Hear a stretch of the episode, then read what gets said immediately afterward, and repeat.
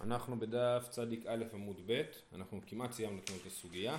השאלה הייתה כזאת, יש לנו את הרעיון שאומר שאם האישה, אם באו שני עדים שהבעל מת והאישה התחתנה עם מישהו אחר, מה היה לה לעשות? זה סוג של אונס, אין, אין, ואין שום אה, סיבה אה, אה, כאילו להעניש אותה. אז, אה, אז זה רעיון של מאי הווה למעוות, כן? זאת אומרת, מה, הייתה, מה היה לה לעשות? היא עשתה בדיוק מה שצריך, לפי, עשתה הכל לפי הכללים, מה היה לה לעשות? ואז הבאנו מלא מלא אה, משניות אה, אה, להוכיח שלא אומרים את הסברה של מה היה לה לעשות, ועל כל, אה, כל אה, מקור שמצאנו, אז אמרנו כן היה, היה משהו לעשות שם, כן? היא הייתה צריכה לבדוק את הגט, היא הייתה צריכה לחכות, כן? כל מיני רעיונות כאלה שאמרנו, ואנחנו באחרון, בהוכחה האחרונה, זה אה, בערך שמונה שורות מלמטה. אה, אמר אבינה תשמע כנסה בגט קרח תצא מזה ומזה וכולי. מה זה אה, גט קרח? גט קרח זה יש אה, שני סוגי גיטין, גט פשוט וגט מקושר. גט מה מקוצר? מקושר, מקושר. המקושר. זה גט של כהנים. גט מקושר זה גט שהוא מאוד מורכב לעשות אותו, וכתוב בגמרא שעשו אותו בשביל הכהנים, כי הכהן ברגע שהוא מגרש את אשתו, אז אה, הוא לא יכול להחזיר אותה, כי היא גרושה כבר. אז לכן, בשביל שהוא לא יהיה מרוב עצבים וזה, וגם אמרו שהכהנים הם קצת עצבניים, כן? אז בשביל אה, שלא מרוב עצבים הוא יגרש אותה ואז הוא יתחרט על זה, אז עושים גט שלוקח הרבה זמן לעשות זה אותו. כבר ביטוי של כהן והעפר שלו חם. כן, כן. אז, איך עושים גט מקושר? כותבים כמה שורות, מקפלים, קושרים, חותמים מבחוץ. כותבים עוד כמה שורות, מקפלים, כותב, אה, אה, קושרים, חותמים מבחוץ, אוקיי? אז מה זה גט קרח? כמה פעמים, זה כמה פעמים, אני לא זוכר אם יש לזה מספר קבוע. אה, אה, גט קרח זה גט מקושר שחסר עליו חתימות, שעל אחד הקיפולים חסר חתימות. עכשיו הדבר הזה בעיקרון לא אמור לפסול את הגט, כי בסופו של דבר יש עדים שחתומים על, על הגט, אבל כן, אה, בגלל שהגט הזה לא נעשה כמו שצריך, אז הוא גט פסול, אז כתוב פה, כנסה בגט קרח, זאת אומרת אם היא התגרשה בגט קרח ואז היא התחתנה עם מישהו, ואז מתגלה שהגט הזה הוא קרח בעצם, שהוא הוא גט פסול, תצא מזה ומזה, זאת אומרת היא צריכה, אה, אה, ו, ואנחנו שוב, אנחנו כאילו מענישים אותה, כן? על זה שהיא התחתנה עם מישהו למרות שהיא לא הייתה אה, גרושה לגמרי. אז גם פה אנחנו אומרים, מה הייתה- מה היא יכלה לעשות? היא קיבלה את הגט שלה, היא לא ידעה שהגט פסול, מה היה לה למעבד, ולמה אנחנו אה, מחמירים איתה? סימן שלא אומרים את הרעיון של מה היה לה למעבד, ואפילו כשהיא אנוסה, אנחנו מחמירים איתה, אומרת הגמרא, היא באה אליה לקרוא לגיטה, היא הייתה צריכה ללכת לקרוא את הגט, לבדוק אותו, לפתוח, לבדוק מה כתוב בפנים, ואז הייתה מגלה שזה גט פס- פסול. אז, אז אה, הנה, סיימנו עם כל ההוכחות, לא הצלחנו להוכיח שלא אומרים היה ולא למעוות, כן? רצינו, להוכ... ניסינו להוכיח הרבה מקומות שלא אומרים היה ולא למעוות ובכל אופן מחמירים עם האישה, ולא הצלחנו להוכיח את זה. רב פאפא סבר למעוות עובדא במה היה ולא למעוות. זאת אומרת, רב פאפא חשב להגיד שאפשר להקל על האישה באמת והיא יכולה לחזור לבעלה הראשון והיא לא צריכה אה, אה, להתגרש בשני הבעלים בגלל הרעיון של מה יהבה לה למעוות, בגלל איזשהו מצב של אונס של שני עדים וכדומה. אמר לרב הונא ברדי רב יהושע, החברותא שלו אמר לו לרב פאפא והתניא כולן מתניעתא, תראה כמה מקורות הבאנו שלא סומכים על הדבר הזה. אז איך אתה רוצה לסמוך על זה? אמר, אז הוא עונה לו, אמר לי ולאו שנינו? מה לא ענינו? ענינו על כל אחד, כל אחד מההוכחות הייתה תשובה. ואז לכן סימן שכן, אה, ש, ש- סימן ש... אה, אה, כן, אפשר לסמוך על הרעיון של מה היה ולמעבד, כי כל המקומות האלה שהבאת להוכחה זה מקומות שהיה משהו לעשות, ואני מדבר על מקרה שלא היה משהו לעשות. אז הוא אומר לי, והשינוי איליקו ולאיסמוך, זאת אומרת, מה אתה רוצה שאני אסמוך על התשובות האלה? זה תשובות דחוקות, ויש לך פה סדרה של איזה, אה, אני יודע מה, שש שבע מקורות שכולם אומרים את אותו דבר, אז בכל אחד מצאת איזשהו דחייה, תירוץ לדבר הזה, אבל בסך הכל ההצטברות הנסיבתית של הראיות אה, מראה שזה כמו עם ביבי, כן? זה האווירה, האווירה של אה, זה, אה, ההצטברות של כל הראיות בסופו של דבר כן מראה שלא אומרים מה היה ולא מעבד ואי אפשר לסמוך על זה ולכן אפילו אישה שהתגרשה ש, שהתחתנה בגלל שני עדים, אנחנו אומרים לה שהיא לא יכולה לחזור לבעלה הראשון. זהו. אמר רב אשי, ולקלה לא חיישינן. רב אשי חוזר למשנה ואומר אישה שהתחתנה, אמרו לה שבעלה מת, והתחתנה, ועכשיו אמרו לה שבעלה חי, אז מה הדין? אומר לקלה לא חיישינן, אם אף אחד לא בא, לא בא עד, אלא נוצר קול, פתאום יש דיבורים, יש דיבורים על זה שהבעל חי, כן? אז לא חוששים לקול, כן? הקול זה לא מספיק חזק. יש, אם יש עדות זה דבר אחד, אם יש רק שמועות זה לא כלום. לקלה לא חיישינן. אומרת הגמרא, היי קלה, אילי אם קלה דבתר נישואין, אם אחרי שהתחתנה עם הבעל השני יצא פתאום קול שהבעל בעצם חי, אז אנחנו יודעים, כולם יודעים שלא חוששים לקול אחרי נישואין. האמר הרב אשי חדא זימנה. דאמר הרב אשי, כל קלה דבתר נישואין לא חיישינן, לא חוששים לכל אחרי נישואין. לדוגמה, אז דוגמה אחת זה הדוגמה שלנו, שאישה שחושב, שאמרו לה שבעלה מת. דוגמה נוספת זה כהן שהתחתן עם אישה, ופתאום יצא קול שבעצם היא הייתה גרושה. אז, אז אומרים, על הכל אנחנו לא חוששים. אם יבואו עדים שיגידו שהייתה גרושה. אם כולם יודעים, אז למה וואי, למה כתבו את זה?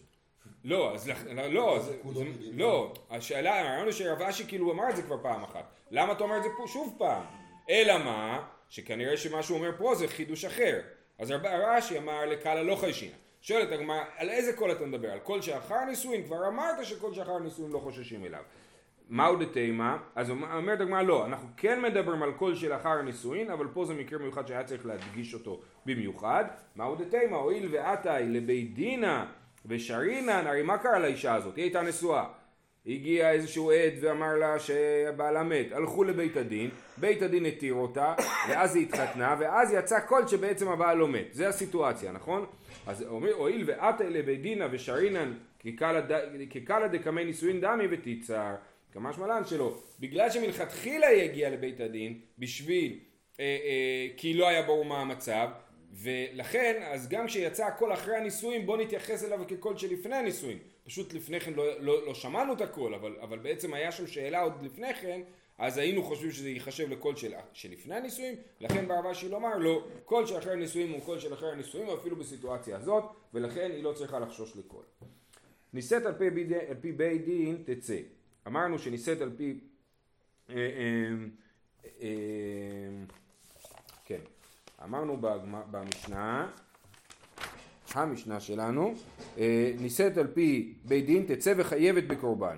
יפה, נישאת על פי בית דין תצא ופטורה מן הקורבן. לא נישאת על פי בית דין תצא וחייבת בקורבן. כן? אז אם היא נישאת על פי בית דין, היא פטורה מן הקורבן. אם בית דין אמר לה שהיא יכולה להתחתן, והיא מתחתנת ואז מגלה שזה היה טעות, אז היא לא צריכה להביא קורבן חטאת. אבל אם היא לא נישאת על פי בית דין והיא מגלה שבעלה חי, אז היא כן צריכה להביא קורבן. אמר זעירי, ליתא למתניתין, מדתני במדרשה. זאת אומרת, המשנה נדחית ממה ששנינו בבית המדרש. שנינו כאילו ברייתא בבית המדרש. מה שנינו? דתני במדרשה. הורו בית דין ששקעה חמה, ולבסוף זרחה. מה קרה? בית דין אמרו, אה, שקעה חמה ואפשר אה, להוציא שבת. כן? אפשר לעשות הבדלה. וכולם עשו הבדלה, ומה קרה? פתאום גילו שרק היו עננים והשמש אה, אה, זרחה. אה, אז מה הדין במקרה הזה? שלכאורה, מה אתה רוצה ממני? אני סמכתי על בית הדין, אז, אז אני לא צריך להביא קורבן על זה שחיללתי שבת. אמרו, אין זו הוראה אלא טעות, זה לא נקרא הוראה לסמוך עליה, זו טעות, ולכן כל אחד שסמך על בית הדין יביא קורבן. כי היו לברר. לא, לאו דווקא, בגלל שההוראה הזאת לא נחשבת להוראה, כן? איך האדם אמור לדעת אם זה נחשב? הוא לא, הוא, לא, הוא, לא יודע, השאלה היא פה רק בדיעבד, האם הוא צריך להביא קורבן או לא צריך להביא קורבן. אמ, בכל אופן, אז, אז, אה, אז אנחנו אומרים שגם פה, גם במקרה שלנו. אה, היא, גם במקרה שלנו, היא, אה, נו, היא? היא סמכה על בית הדין, ובית הדין טעה, נכון? בית הדין טעה, ולכן, אה, אה, אז זה לא הוראה, אלא טעות, ולכן היא כן צריכה להביא קורבן. כל השאלה פה זה בדיני קורבנות. האם הוראת בית הדין פותרת או מחייבת? בעיקרון יש לנו כלל, יש לנו את הרעיון של קורבן נעלם דבר של ציבור. כאשר בית הדין אה, מורה הוראה, ורוב הציבור עושים על פיו, אז בית, בית הדין מביא קורבן ולא הציבור, נכון? אז עכשיו יש מצב שלא רוב הציבור אה, מביא אה, אה, חטא, ואז לא בית הדין יביא קורבן ולא הציבור יביא קורבן. אה, אז הוא אומר כך, אז כן, אז אנחנו אומרים ליתא למתניתין מקמא דתני במדרשה, דתני במדרשה, אורי בדין ששכח חמה ובסוף זרחה, אין זו הוראה אלא טעות. רב נחמן אמר, הוראה היא, רב נחמן אמר לא נכון, זאת לא טעות, זאת הוראה. נכון שהסתבר שזאת טעות, אבל זאת, זה כאילו ההבדל בין פסיקת הלכה לבין אה, אה, טעות אה, מציאותית, טעות טכנית. כי זה טעות טכנית, אז זה לא הוראה של בית הדין, ולכן זה לא פוטר את האדם מקורבן. אומרת אומרת רב נחמן זה כן הוראה. אמר רב נחמן תדע דהוראה היא, דבכל התורה כולה עד אחד לא מהימן. ואח המהימן, מה איתה אם עליו משום דהוראה היא? הרי בכל התורה כולה אנחנו רואים שעד אחד לא נאמן. פה בית דין, אה, בית דין סמכו על עד אחד, סימן שזאת הוראה ולא טעות. כי בית הדין הורו שמותר לסמוך על עד אחד. אז זאת אז זה הוראה ולא טעות ולכן האישה פטורה מקורבן. אמר רבא תדע דטעות הוא. רבא חולק על רב נחמן ואומר לו זה לא הוראה אלא טעות. דאילו הורו בית דין בחלב ובדם להתרה והדר חזותם על איסורה כי הדר ואמר להתרה לא משגיחין להו. היה מקרה שבית הדין הורה על אה, חלב מסוים, נגיד יש בבהמה הרבה חלב, כן? אז הוא הורה על חלק מסוים שהוא לא חלב, או על דם מסוים שהוא לא דם שאסור. ואז פתאום הם שינו את דעתם, הדר חזו טעם על איסור, הם מצאו טעם, מצאו נימוק או הוכחה שבאמת זה כן חלב, ולכן הם חוזרים בהם. כי הדר ואמר להתרה, אבל אם אחרי זה הם יחזרו בהם שוב פעם, אז הם בהתחלה אמרו היתר, אחרי זה הם חזרו בהם ואמרו איסור, אחרי זה הם יגידו שוב פעם היתר, לא נסמוך עליהם, כי כל עוד לא, לא, הם לא מצאו הוכחה חד משמעית מוחלטת שבאמת זה כן היתר, אנחנו לא נסמוך עליהם. לעומת זאת, במקרה שלנו, של אישה, ואילו איכא דעתא עד אחד שרינה. הגיע עד אחד להתיר את האישה ואמר שהבעל מת, היא מותר. באו שני עדים עטו תרי, אסר נא. כי הדר עתא עד אחרינה, שרינן לה. אם יבוא אחר כך עוד עד ויגיד לא, האישה, הבעל כן מת, אנחנו נסמוך עליו. אולי בגלל שהוא יגיד שהבעל מת יותר מאוחר, כן? אז לכן נסמוך עליו. בכל אופן, אז הנה, אז לכן זה מוכיח שזה טעות. בהוראה אנחנו אומרים שבית הדין שהורה וחזר בו, אחרי זה הוא עומד, נשאר בעמדתו, ובטעות, במציאות, אז בית הדין יכול כמה פעמים לשנות כאילו את המציאות, כי לאור הנתונים שמובאים בפניו, סימן שזו טעות ולא הוראה. אמ, מה איתה מה? למה משום דטעות הוא? יופי. ואף רבי אליעזר סבר דטעות הוא. דתניא, רבי אליעזר אומר לגבי האישה הזאת שהתחתנה ואחרי זה אה, גילו שהבעל חי, ייקוב את דין את ההר ותביא חטאת שמנה. כן? ייקוב הדין את ההר, אי אפשר פה לוותר, אי אפשר להתפשר, וצריך להביא, היא צריכה להביא חטאת שמנה כי היא הייתה אשת איש, אז למרות שהיא עשתה על פי הוראת בית דין, היא, היא צריכה להביא חטאת. היא אמרת בישלמה דטעותו, משום מה חימתי הקורבן, אלא היא אמרת דהוראה היא, המימתי הקורבן, אם זאת הוראה ולא טעות, אז אה, היא, היא לא הייתה צריכה להביא קורבן. אומרת הגמרא, אולי הסיבה שרבי אליעזר אומר שהיא מביאה קורבן זה מסיבה אחרת. דילמה כסבר רבי אליעזר יחיד שהוא עשה בהוראת בית דין חייב. אולי רבי אליעזר אומר, אמרנו מקודם שקורבן אלה דבר של ציבור זה רק כשיש ציבור. אז אולי רבי אליעזר סובר שכשיש ציבור, אז הבית דין מביא אה, קורבן. אבל כשיש יחיד שסמך על הוראת בית דין, אז היחיד מביא קורבן, למרות שבית הדין הטעה אותו. זאת אומרת, יכול להיות שרבי אליעזר תופס את זה בתור הוראה, אבל אומר, מבחינת דיני קורבנות, היא בכל זאת צריכה להביא קורבן. אומרת הגמרא לא נכון. אם כן, מה ייקוב את הדין את ההר? למה רבי אליעזר אמר את הלשון הזאת של ייקוב הדין את ההר? בשביל להגיד ייקוב הדין את ההר, שאנחנו לא מוותרים פה על הטעות של בית הדין, ואנחנו אה, אה, אומרים שבית הדין עשה טעות, והאישה צריכה להביא קורבן. אז מכאן אנחנו רואים שגם רבי אליעזר חושב, כמו רבא, שהטעות הזאת של בית הדין היא לא, היא לא הוראת מוטעית, אלא טעות. ולכן האישה צריכה להביא קורבן, כמו שאמרנו בניגוד למשנה. המשנה אמרה שהיא לא צריכה להביא קורבן כי היא סומכת על הוראת בית דין. בניגוד למשנה אנחנו אומרים שכאשר בית דין עושים טעות מציאותית אז אה, אנחנו לא סומכים עליהם ולכן אה, אה, צריך להביא קורבן. הורו הבית דין להינשא, אומרת המשנה, אה, הורו הבית דין להינשא והלכה וקלקלה וחייבת בקורבן שלא התירו אלא להינשא. מה, מה זאת אומרת? מה היא קלקלה? רבי אליעזר אומר, זינתה. זאת אומרת, הייתה, היא, בית הדין אמר לה שבעלה מת, אז היא פנויה, אז היא אומרת, טוב, סבבה, אז אני פנויה, היא זנה, עם, עם, עם פנוי, עם מישהו שמותר לה. זאת אומרת, מותר לה הלכתית, אה, אה, זאת אומרת, אין בזה שום אה, איסור חמור, או בוודאי שאין בזה קורבן, פנויה, לשכב עם, עם, עם אדם אחר, כן? אז זה מה שרבי אליעזר אומר, שהיא הייתה, אמרו לה שהיא פנויה, למה היא צריכה להביא קורבן על זה? מה קרה? אמרו לה שהיא פנויה, היא הלכה וזינתה, ואז בא בעלה, בעלה חזר. לא הלכה וזינתה. היא הלכה וזינתה, היא הלכה ושכבה עם מישהו, כן? זה לפי רבי אליעזר. שוב, אמרו לה שהיא פנויה, היא הלכה ושכבה עם מישהו, ואז אה, אה, בעלה חזר. אז, אז, אז, אה, אז היא חייבת בקורבן או פטורה מן הקורבן, לפי המשנה שסומכים על בית הדין, כן? לפי המשנה שסומכים על בית הדין, אז היא הייתה צריכה להיות פטורה מקורבן. אומרת המשנה, לא, למה היא חייבת בקורבן? כי בית הדין התיר לה להתחתן, הוא לא התיר לה לזנות. כאילו ההיתר של בית הדין הוא, הוא מוגבל, הוא בתוך מערכת מוגבלת, כן? אז התרנו לה להתחתן, לא אמרנו לה שמותר לה לזנות.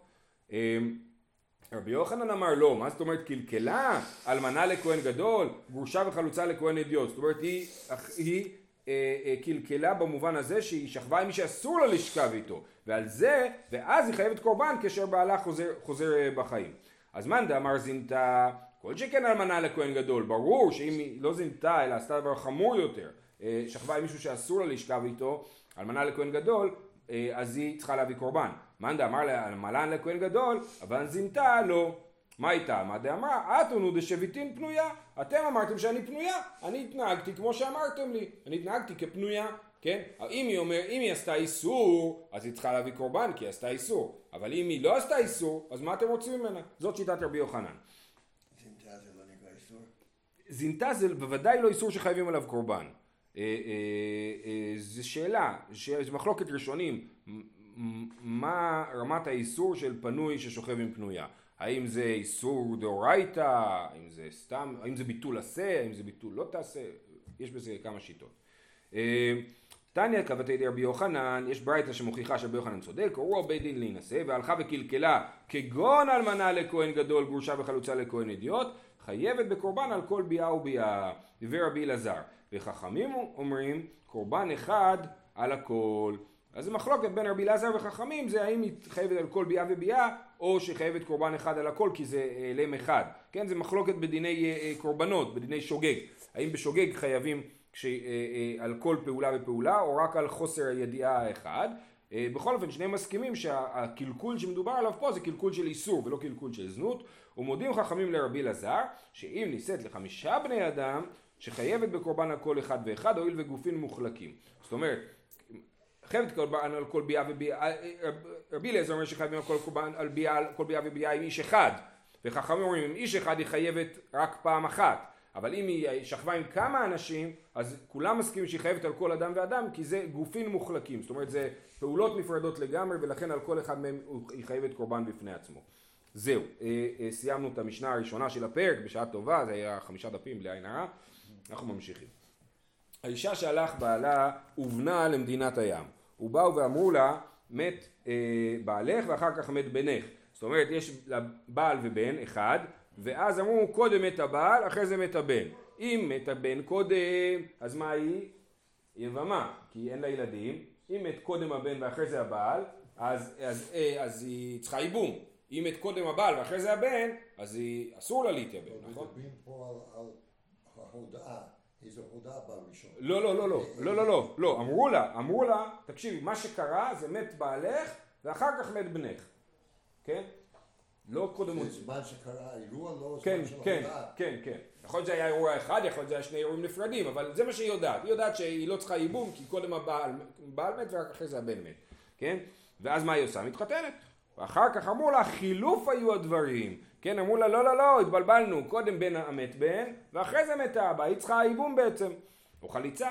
תצא, היא צריכה להתגרש מבעלה החדש, כי היא לא עשתה ייבום וחליצה, והוולד ראשון ואחרון ממזר, אנחנו נסביר בהמשך מה זה ראשון ואחרון, אבל הוולד הוא ממזר.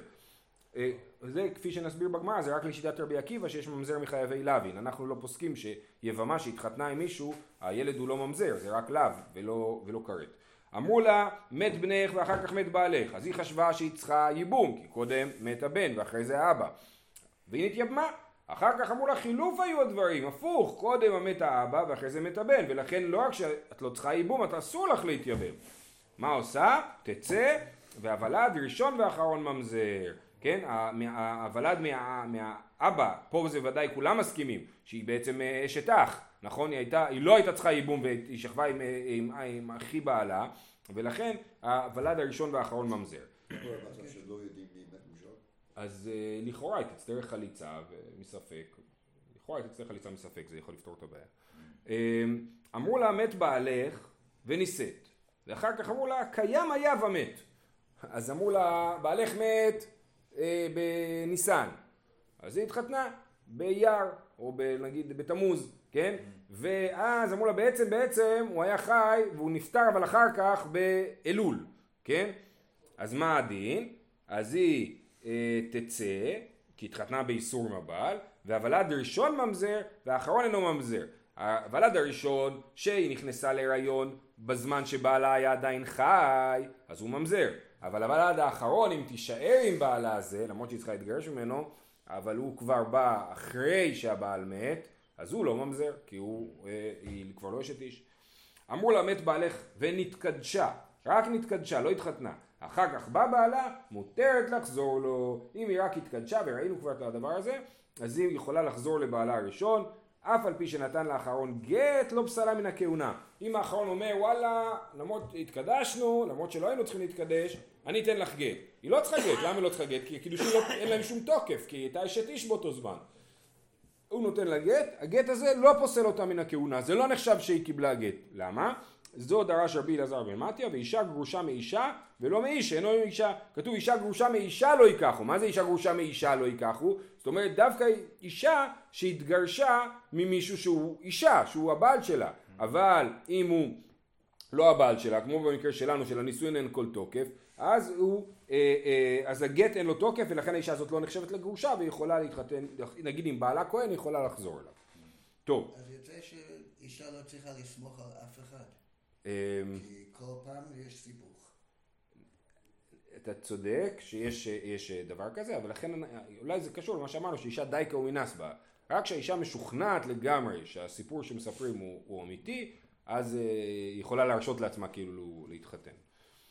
אה, מהי ראשון ומהי אחרון, כן? אה, אה, כן אמרנו הוולד הראשון והאחרון ממזר.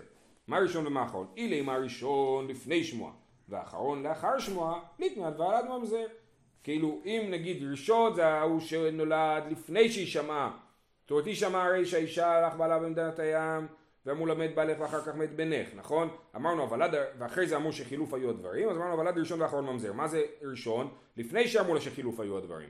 ואחרון זה אחרי שאמרו לה חילוף היו הדברים. אז תגיד הוולד ממזר מה, מה ראשון ואחרון מה ברור שאין הבדל לפני השמוע ואחרי השמוע תשובה משום דקבאי לבית ניסיפא רצו לכתוב בסיפא אמרו לה מת בעלך ונישאת ואחר כך אמרו לה קיים היה ומת הראשון ממזר והאחרון אינו ממזר לכן גם תניא נמי בראשון אה, ותניא נמי רישא ראשון ואחרון ממזר. זאת אומרת הסגנון של המשנה של ראשון ואחרון נובע מהסוף של המשנה ששם באמת היה הבדל בין הראשון לאחרון לכן גם בהתחלה כתבנו אה, ראשון ואחרון. תנו רבנן זו דברי רבי עקיבא. המשנה שלנו היא כשיטת רבי עקיבא שהיה אומר אין קידושין תופסים בחייבי לוי ולכן הילדים ממזרים כאשר אישה שהייתה צריכה ייבום התחתנה עם מישהו אחר. אבל חכמים אומרים אין ממזר מיבמה. כן? יבמה שהתחתנה עם מישהו זר אז הילד הוא לא ממזר. אומרת הגמרא למה הם כתבו ככה ולמה אין ממזר מחייבי לוין למה הברייתא הזאת מנוסחת אין ממזר מיבמה תגיד יותר כללי. תגיד אבל חכמים אומרים אין ממזר מחייבי לוין אומרת הגמרא, היי תנא, הך תנא דרבי עקיבא הוא, דאמר מחייבי לוין דשאר אבי ממזר, מחייבי לוין גריידי לא אבי ממזר, זאת אומרת, אה, אה, הברייתא הזאת, ראינו שבשיטת רבי עקיבא יש מחלוקת. רבי עקיבא אומר יש ממזר מחייבי לוין, ויש בזה שתי שיטות. שיטה אחת אומרת שכל החייבי לוין אה, יש בהם, הילד הוא ממזר, זאת אומרת אדם שבא להמונית, הילד ממזר, כן? אה, סליחה, המונית מותר, מצרית, כן? אה, הילד ממזר. הכל, כל חייבי לוין הם ממזרים, זו שיטה אחת ברבי עקיבא. שיטה אחת שרבי עקיבא, שנייה, אומרת שרבי עקיבא אומר שחייבי לוין דשאר יש בהם ממזר, רק חייבי לוין שקשורים לקרבת משפחה, לדוגמה, אה, אנוסת אביו. אנוסת אביו זה לאו ולא כרת, ולכן רבי עקיבא אומר שיש בזה ממזר. אבל יבמה לשוק היא לא לאו עם דשאר, זה לאו שלא נובע מקרבת משפחה, אלא לאו שנובע מאיסורים אחרים. ולכן אין בזה ממזר. אז מה שכתוב פה... אשת אח זה לא קרבת משפחה? אשת אח זה כן, אבל פה היא לא אשת אח, פה היא חשבה שהיא פטורה מייבום. אז היא התחתנה עם מישהו אחר, זר. ואז גילה שבעצם הייתה צריכה לייבום, אז הלאו שלה זה יבמה לשוק, זה אה, לא, לא, תצא, לא תהיה איש החוצה לאיש זר.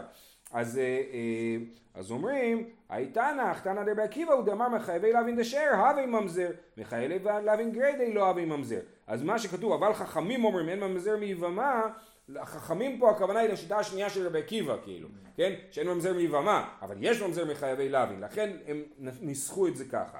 בכל אופן אנחנו ככה אנחנו פוסקים, כן? שאין ממזר מיבמה ואין ממזר מחייבי להבין.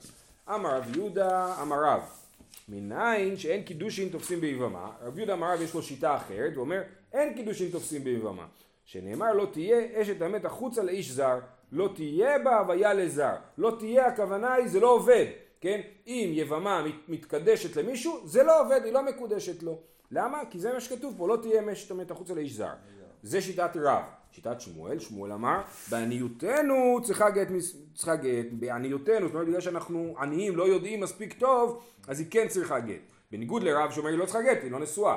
למה? מה עניותנו? מספקא לי לשמואל. היי לא תהא אשת המת אילה לאו דעתה, דלא תפסי בקידושין הוא דעתה.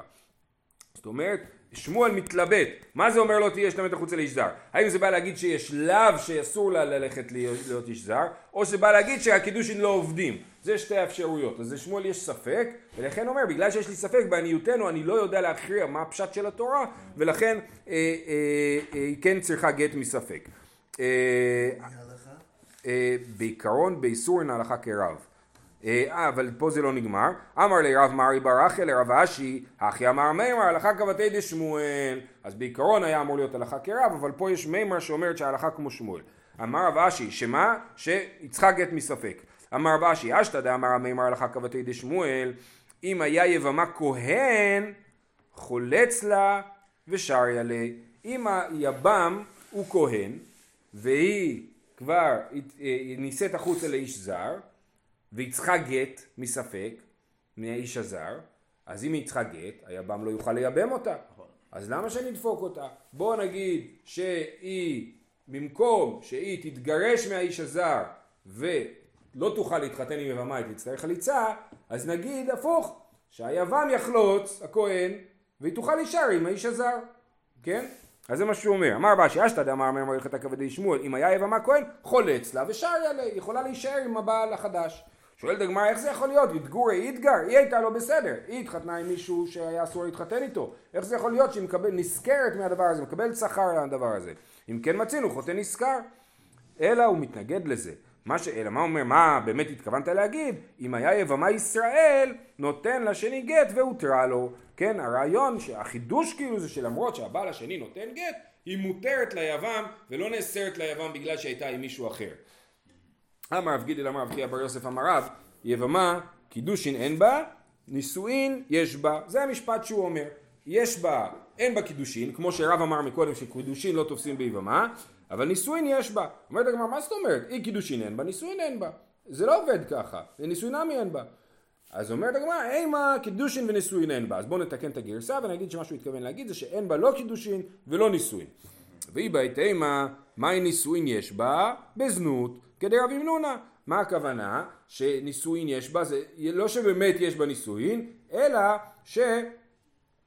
אה, אה, זה שהייתה, התחתנה עם מישהו אחר, זה, יש לזה השפעה, כן? בזנות כדי רבי מנונה, דאמר רבי מנונה, שומרת יבם שזינתה, אסורה ליבמה, בניגוד למה שאמרנו מקודם ששומרת יבם שהתחתנה עם מישהו אחר היא צריכה גט ויכולה לחזור ליבם, רבי מנונה חושב, מנונה חושב ששומרת יבם שזינתה נאסרת לבעלה, כמו אשת איש שזינתה שנאסרת לבעלה, גם שומרת יבם שזינתה אסורה ליבם, אז זה הכוונה, קידושין אין בה נישואין יש בה, זאת אומרת אם היא זינתה זה נתפס כאילו, וכיוון שזה נתפס אז היא נאסרת ל, ל, ליבם. אמ, אז אומרת והיא בית אימה, תראו הסבר שני, לעולם כדמרן מעיקר, כמו שאמרנו, ניס, קידושין אין בה, נישואין יש בה, אה, אה, דמיכלפה באישה שהלך בעלה למדינת הים. זאת אומרת, אנחנו מחמירים שיש בה נישואין, זאת אומרת שהיא צריכה גט מהבעל השני, למרות שבאמת באמת הקידושין לא תופסים, כי אנחנו החלטנו שאין קידושין ליבמה שמתחתנת, אבל לחומרה אנחנו אומרים שהיא צריכה גט. זאת אומרת, אם אנחנו חוזרים לשאלה הראשונה, שמחלוקת רב ושמואל, האם קידושין תופסים ביבמה או לא תופסים ביבמה, אז מה שהוא אומר פה, הקידושין לא תופסים, אבל הנישואין, אם היא התחתנה, היא תצטרך גט, בגלל שזה דומה לאשת איש שהתחתנה בטעות עם גבר אחר, שאמרנו שצריכה גט מזה ומזה, אז גם פה היא צריכה גט מהבעל השני. זהו, אנחנו נעצור פה, שיהיה לכולם יום טוב.